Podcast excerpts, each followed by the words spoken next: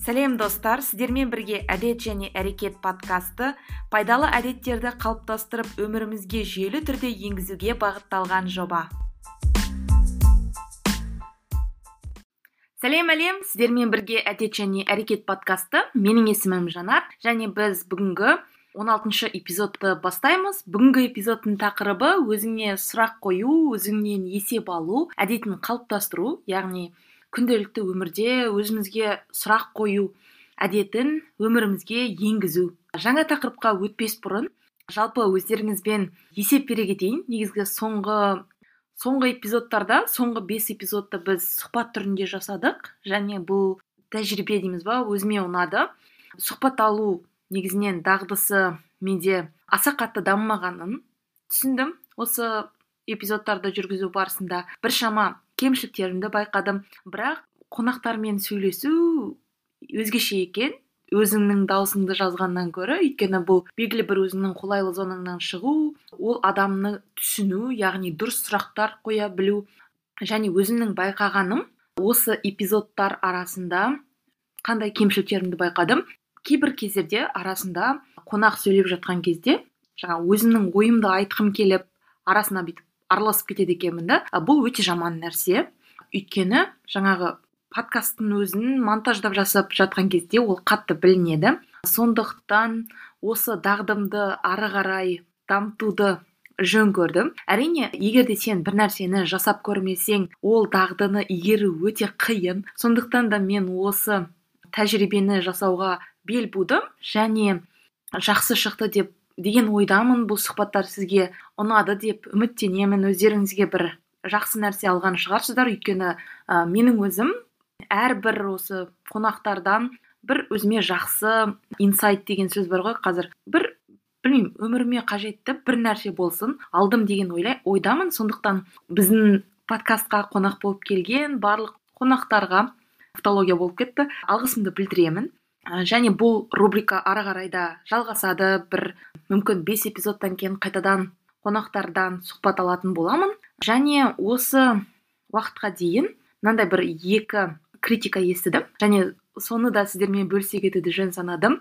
Негізінен мен подкастқа көбінесе сіздерден кері байланыс сұраймын. Яғни өздеріңіздің пікірлеріңізді қалдырсаңыздар не жақсы не жаман не ұнамайды деген сияқты. Бірақ бұны жазатын адамдар аз яғни критика жазатын адамдар аз. Көбісінде енді жақындарым достарым жақсы деп жатады подкаст ұнады деп.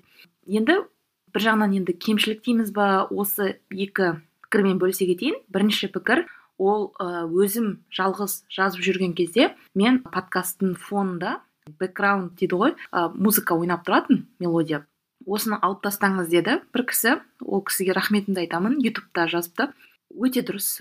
Жасалған замечание дейміз ба дұрыс деп ойлаймын өйткені андай ақпаратты естімей қалуы мүмкін иә. Осы музыка енді кейбір адамдарға музыка ұнамауы мүмкін. Сондықтан енді алдағы уақытта музыкасыз жазайын деп шештім. Және өзімнің де осы басқа подкасттарды тыңдасам ол жақта музыканы тек басында қолданады былай бэкграунд ретінде қолданатындар өте аз екен.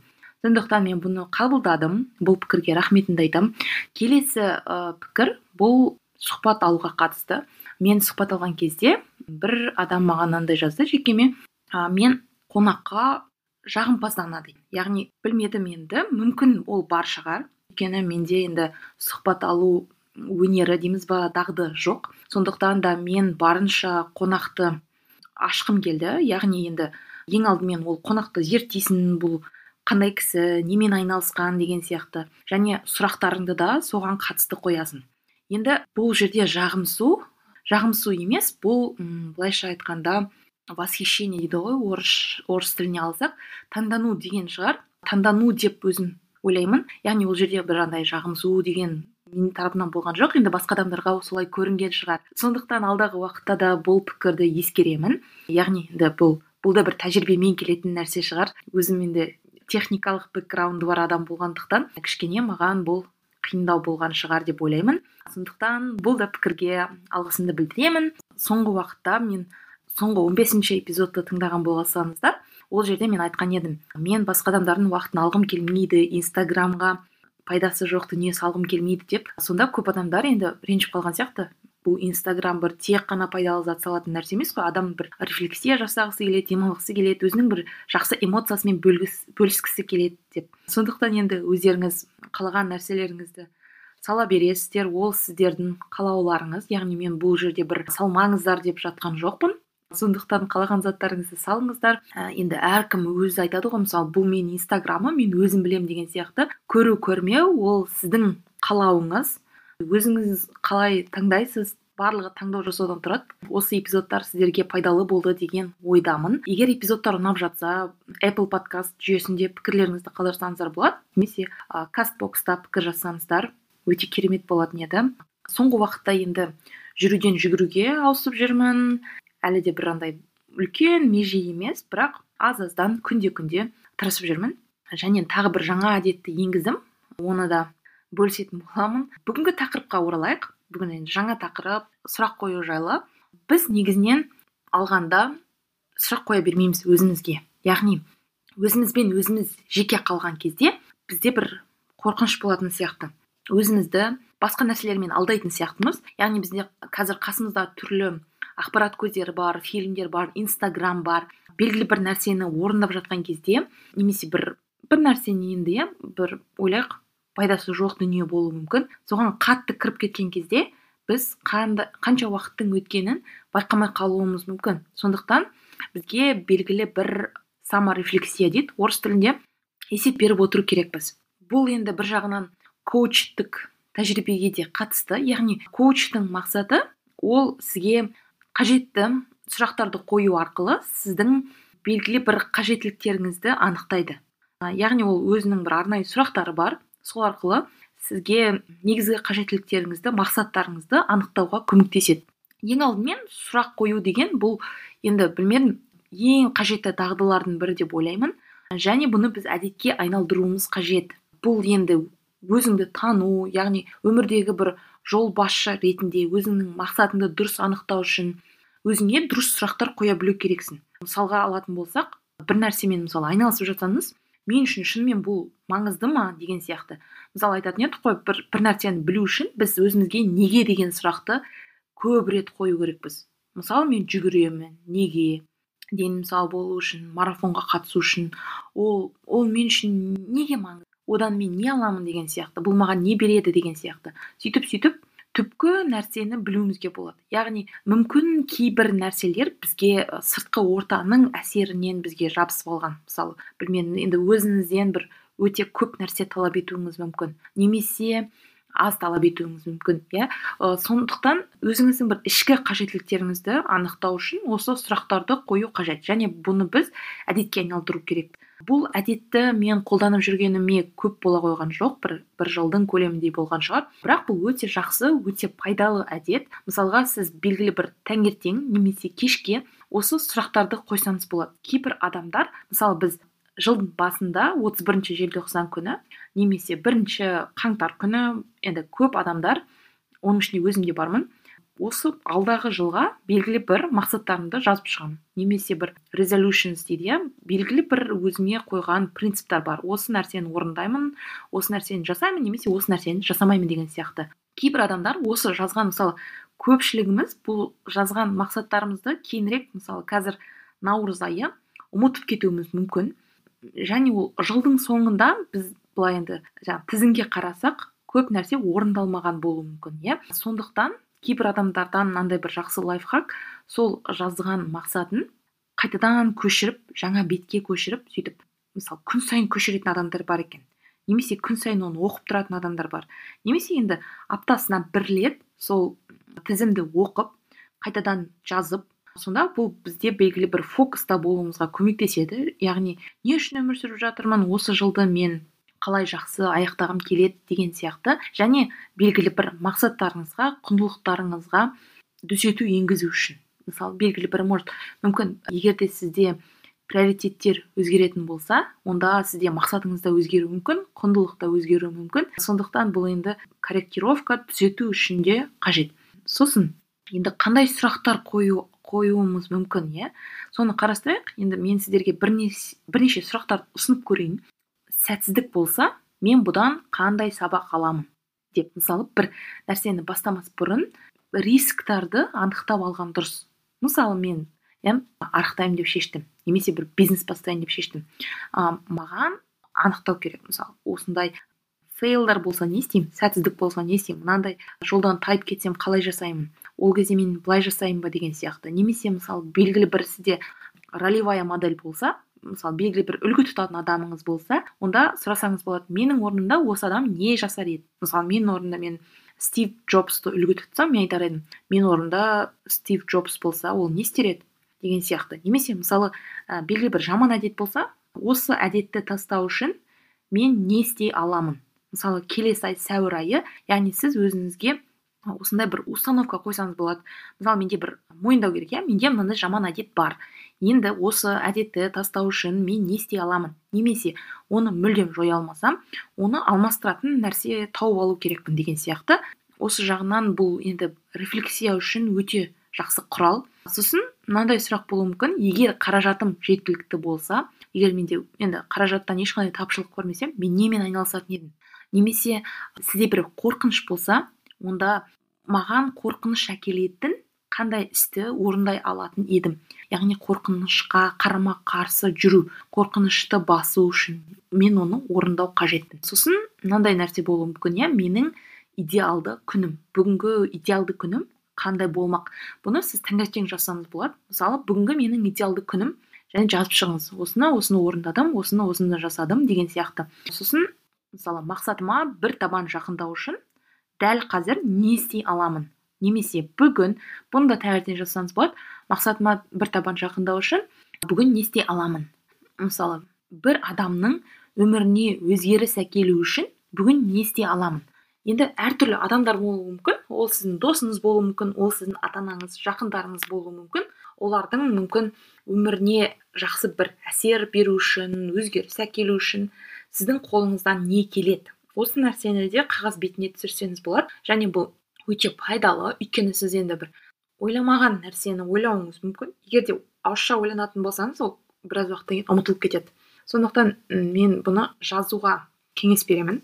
Брейнсторминг деген бар ғой. Белгілі бір ойларды ойлау арқылы көп нәрсенің негізі жауабын табуға болады. Сондықтан енді сіздерге бір андай коуч психологтарға барудың да тіпті қажеті болмай қалады өйткені сіз өзіңізге өзіңіз көмектесе аласыз.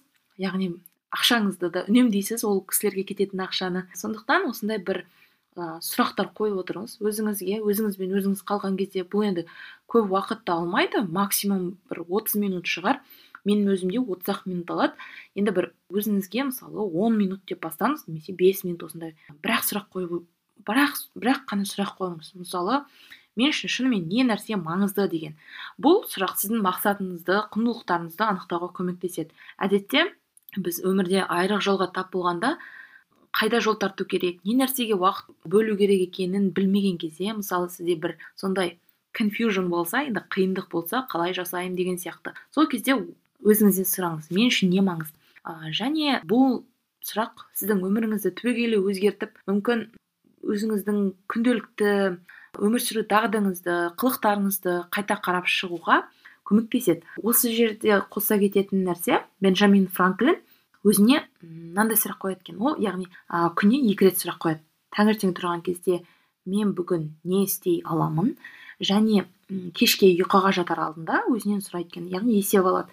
Мен бүгін не жасадым? Не нәрсе пайдалы нәрсе жасадым ба? деген сияқты. Яғни өзімнің мақсатыма жеттім бе? Мақсатыма белгілі бір қадам жасадым ба? Деген сияқты. Сосын маған ең қатты ұнайтын сұрақтың бірі ол мен қазір не істеп отырмын? Бұл өте маңызды сұрақ. Өйткені сіз бір нәрсені мысалы бір инстаграмның лентасын қарап отырсыз немесе там білмеймін пинтерестте отырсыз. Зависли дейді ғой бар ғой сондай орыс тілінде зависли. Бір ойынға қатты не істеп қалдыңыз? Кішкене есеп беріңіз. Яғни бір будильник қоясыз ба телефоныңызға? Тіпті осындай мобильді қосымшалар бар. Осындай сұрақтарды қоятын мен подкасттың сипаттамасына қосамын бұл сілтемелерді. Яғни бір мобильді осыған арналған арнайы мобильді қосымшалар бар. Олар сізге кәдімгідей мындай сұрақтар келіп отырады сізге уведомление ретінде. Мысалы сен қазір өзіңді қалай сезініп тұрсың? деген сияқты. Немесе сен қазір қандай сезімдесің? Немесе сенде бәрі дұрыс па? Немесе сен қазір не істеп отырсың? Бұл өте маңызды. Яғни сізді белгілі бір поток дейді ғой яғни бір мүмкін енді көп адамдар өзін білмей қалуы мүмкін да мысалы бір нәрсеге көп берілген кезде. Сондықтан өзіңізге сондай сұрақ қойыңыз мен қазір не сезініп тұрмын? Мен қазір не істеп отырмын? деген сияқты. Мысалы ашулы болып тұрсаңыз ол да жақсы да. Мысалы енді көп қазір андай психологтар айтады ғой эмоцияны сезіну керек деген сияқты иә. Сондықтан мысалы енді жылағыңыз келіп тұрса мүмкін жылайсыз. Иә? Бұл жерде андай бір эмоцияны жауып тастау да дұрыс емес. Мысалы бір ашуланбасаңыз ашуланбаймын деген сияқты немесе оны бір яғни оны мойындау керек та. Мысалы бір жеріңіз ауырып тұрса оны мойындаңыз. Иә ауырып тұрмын деген сияқты. Енді мен не істей аламын. Сосын таңғы сұрақтар болсын. Мынандай сұрақтар қойсаңыз болады. Ғой таңғы таңғы уақытта мен бүгін не істеймін? Иә бір белгілеп алыңыз. Мен бүгін не істеймін? Бүгін кім болғым келеді? Бүгін кім болғыңыз келеді? Мүмкін бүгін жанашыр әке болғыңыз келеді. Бүгін мықты сондай эффективті иә эффективный дейміз ғой продуктивный адам болғым келеді. Немесе мүмкін бүгін мен супермен болғым келеді деген сияқты. Мүмкін мен бүгін спортсмен болғым келеді. Сондай нәрселерді өзіңізге анықтап алсаңыз болады. Сондай бір рольдарыңыз болса өміріңізде соған қатысты. Мысалы мен бүгін бизнесімді бір саты жоғары көтеремін деген сияқты. Немесе жұмысымды бір шаруаны автоматтандырамын дегендей бір өзіңізге бір енді мақсат қойсаңыз сосын өзімді қалай сезінуге ниеттімін? осы жерді де анықтап алыңыз. Яғни бүгін мен көңіл күйім қандай болады? Өзіңді қазір қалай сезініп тұрсың? Және қалай сезінуге ниеттісің? Сосын келесі сұрақ менің басымда қандай ойлар басымдықта болады? Сіз яғни күн басталмай жатып өзіңізге белгілі бір установка беріп аласыз. Яғни бүгін менде осындай осындай ойлар болады. Олар басымдықта болады деген сияқты. Және басқа адамдарға қалай пайдалы бола аламын? Бұл жерде мүмкін сіз бауырыңызға сабақ жасауға көмектесесіз мүмкін әріптесіңізге бір шаруаны иә көмекте түсіндіріп жібересіз. Мүмкін әкеңізге бір шаруаменен мысалы телефоннан интернет бойынша ма бір жақсы нәрсе айтасыз. Яғни осы арқылы жақын сіз әсер ететін адамдарға пайдалы бола аласыз. Немесе бір инстаграмда жақсы бір видеоны немесе бір кітапты бөлісу арқылы да басқа адамдарға пайдалы бола аласыз. Енді кешкі сұрақтарға келейік. Кешкі сұрақ енді ұйықтардың алдында дейік. Бүкіл гаджеттерді өшіресіз? Ұйықтарға дейін бір сағат бұрын ба? Кітабыңызды оқыдыңыз? Енді өзіңізге есеп беріңіз.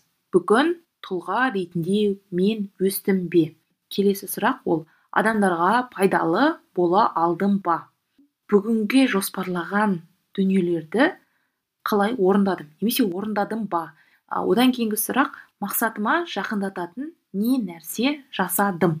Енді кішкентай нәрсе болса да бұл сіздің өз өзіңізге деген сенімділігіңізді самооценкаңызды арттырады және өзіңіздің алдыңызда өзіңіз енді ең өз өзіңізбен егер де шынайы болсаңыз яғни честный болсаңыз өзіңіз точно айтсаңыз мысалы мен бүгін осындай істеген жоқпын мен бүгін ә, тек қана жаттым деген сияқты. Мысалы иә тек қана фильм қарадым демалдым.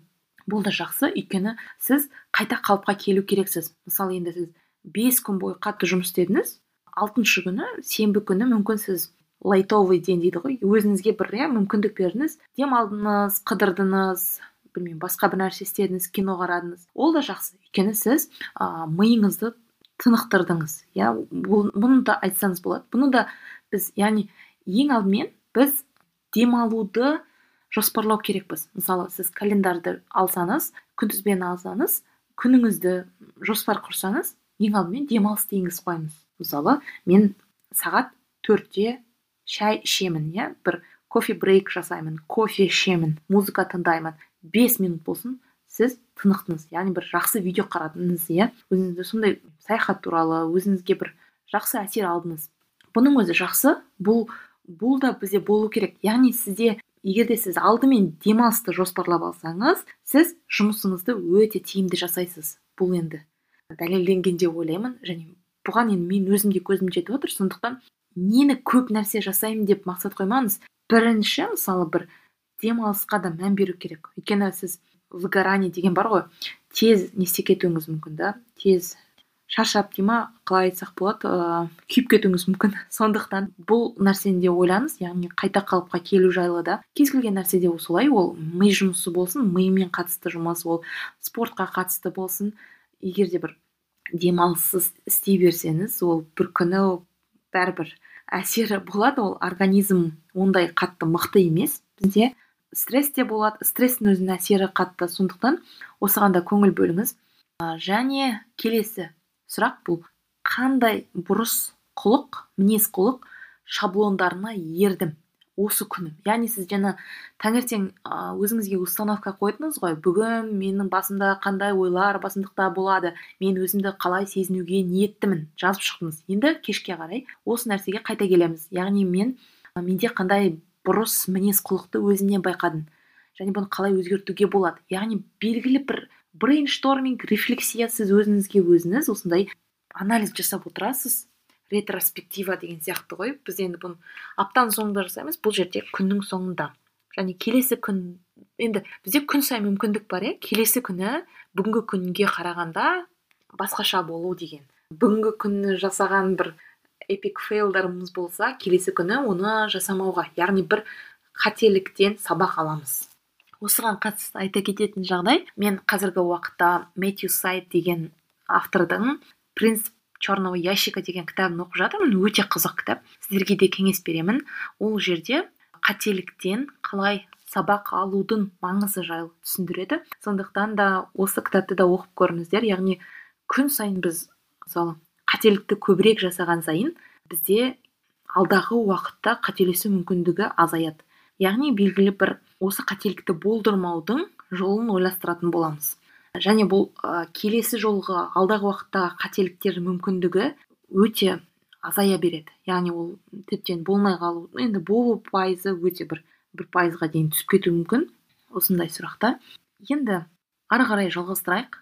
Мынандай да бір жақсы сұрақ бар. Ол өзімді қазір бақытты сезіну үшін не істей аламын иә? Сосын жаңағы мінез құлыққа қатысты немесе сезімдерге қатысты эмоцияға қатысты сұраңыз мысалы. Мен қазір не үшін ашуланып тұрмын? Иә бұл ашулануға тұрарлық зат па? деген сияқты. Яғни бұл шынымен де уайымдауға тұрарлық па?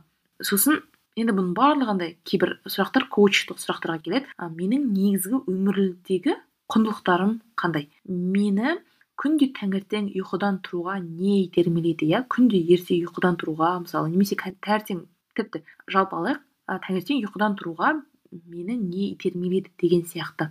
Сосын бүгін мен қолайлы зонамнан шығу үшін не істедім? Немесе бірдеңе істедім ба сосын бүгін мен қандай жаңа нәрсе үйрендім? Немесе жаңа нәрсе үйрендім бе? Бүгін менің өмірімде болған қандай жақсы қандай жағдай менде орын алды иә? Мүмкін оны бір есіңізде сақтап қалғыңыз келеді. Сондықтан да бұл жерде ә, алыс алысқа да алғысты да айтып кетейін. Яғни бүгін мен не үшін разымын деген сұрақ та келеді осы жерге. Енді бұл да сұрақ. Яғни сіз өзіңізге не үшін разысыз бүгін мысалы? Деніңіз сау аяқ қолыңыз аман есен басыңыз жасап тұр. Иә бұның барлығы маңызды бұның барлығы қажет. Альберт эйнштейн баяғыда айтып кеткен екен ә, ертеңгі күннен сабақ алыңыздар қазіргі күнмен өмір сүріңіздер және келесі күнге үміт етіңіздер деп. Және ең бастысы сұрақ қоюдан шаршамаңыздар деген екен. Яғни сұрақ қоя беру керекпіз. Бұл енді сұрақ қою мен өзім түсінгенім өте маңызды нәрсе. Яғни мұны күнде әдет сияқты тіс сияқты болу керек. Күнде жасап тұру керек ұмытпау керек. Оны басында мүмкін сіз мобильдік қосымша қолданасыз сізге бір енді уведомлениеда будильник арқылы ескертіп тұратын иә? Сен не істеп жатырсың сен не сезініп тұрсың деген сияқты. Бастысы ол сұрақ қоюда тастамау яғни сұрақ қоя беру. Енді бұл әркімге қолжетімді нәрсе деп ойлаймын. Әркімге қол жетімді әдет. Сондықтан енді сұрақтың да өте мықты сізді басқа түрге келтіретін күш бар. Яғни бұл енді сізде өзгеру процесін бастайды. Сондықтан өздеріңізге сұрақ қойыңыздар. Ә, бұл әдет енді сонымен қорытындылай келе айтатыным. Бүгінгі эпизодта біз сұрақ қоюдың маңызы жайлы сөйлестік және бұл әдетті барлықтарыңызда енгізеді деген үміттемін. Өте пайдалы әдет және бұны бір өзіңіз мысалы қазір қойып жүрсеңіз өзіңіз қойып бастасаңыз кейін балаларыңызға да қойыңыз. Яғни олар да үйренсін өздеріне сұрақ қойып осындай жалпы тыңдағандарыңызға рахмет. Бізге енді пікір қалдырып осындай достарыңызбен бөлісуді ұмытпаңыздар. Алдағы эпизодтарда кездескенше күн жақсы аман есен болыңыздар.